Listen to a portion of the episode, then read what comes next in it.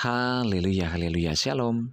Selamat pagi, selamat petang, dan selamat malam saya ucapkan bagi saudara-saudaraku, pendengar setia renungan podcast harian ini, di mana pun saja berada. Anugerah dan kasih setia Tuhan senantiasa melingkupi kehidupan kita.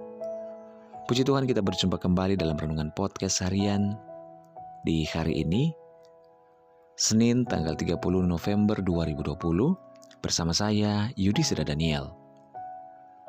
Renungan kita pada hari ini berjudul Berdoalah agar hatimu tenang. Bacaan firman Tuhan terdapat dalam Mazmur 116 ayat 7. Firman Tuhan berkata, Kembalilah tenang, hai jiwaku, sebab Tuhan telah berbuat baik kepadamu. Saudara, saat hatimu penuh dengan kecemasan, saat hatimu bersedih saat kamu merasakan ketakutan dalam menjalani hari-harimu. Maka segeralah datang dan berdoalah kepada Tuhan. Biarkan Tuhan melenyapkan rasa cemasmu, membuang semua takutmu, membuang segala kesedihanmu, membuang segala kekecewaanmu, dan mengisi hatimu dengan ketenangan. Tuhan akan melimpahi hatimu dengan damai dan sukacita yang daripadanya. Ia akan membuatmu bersukacita setiap saat. Tidak akan ada seorang pun yang bisa membuatmu bersedih.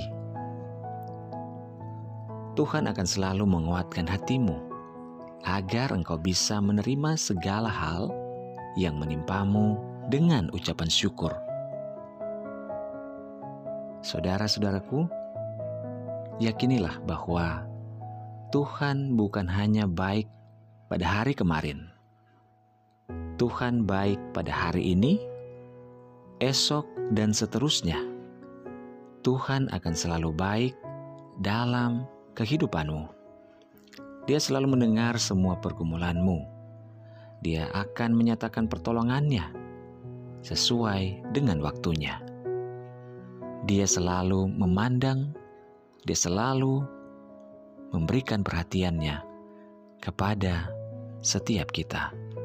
Mendekatlah kepada Tuhan dan biarkan Tuhan menjama dan menyatakan kasihnya dalam kehidupan kita.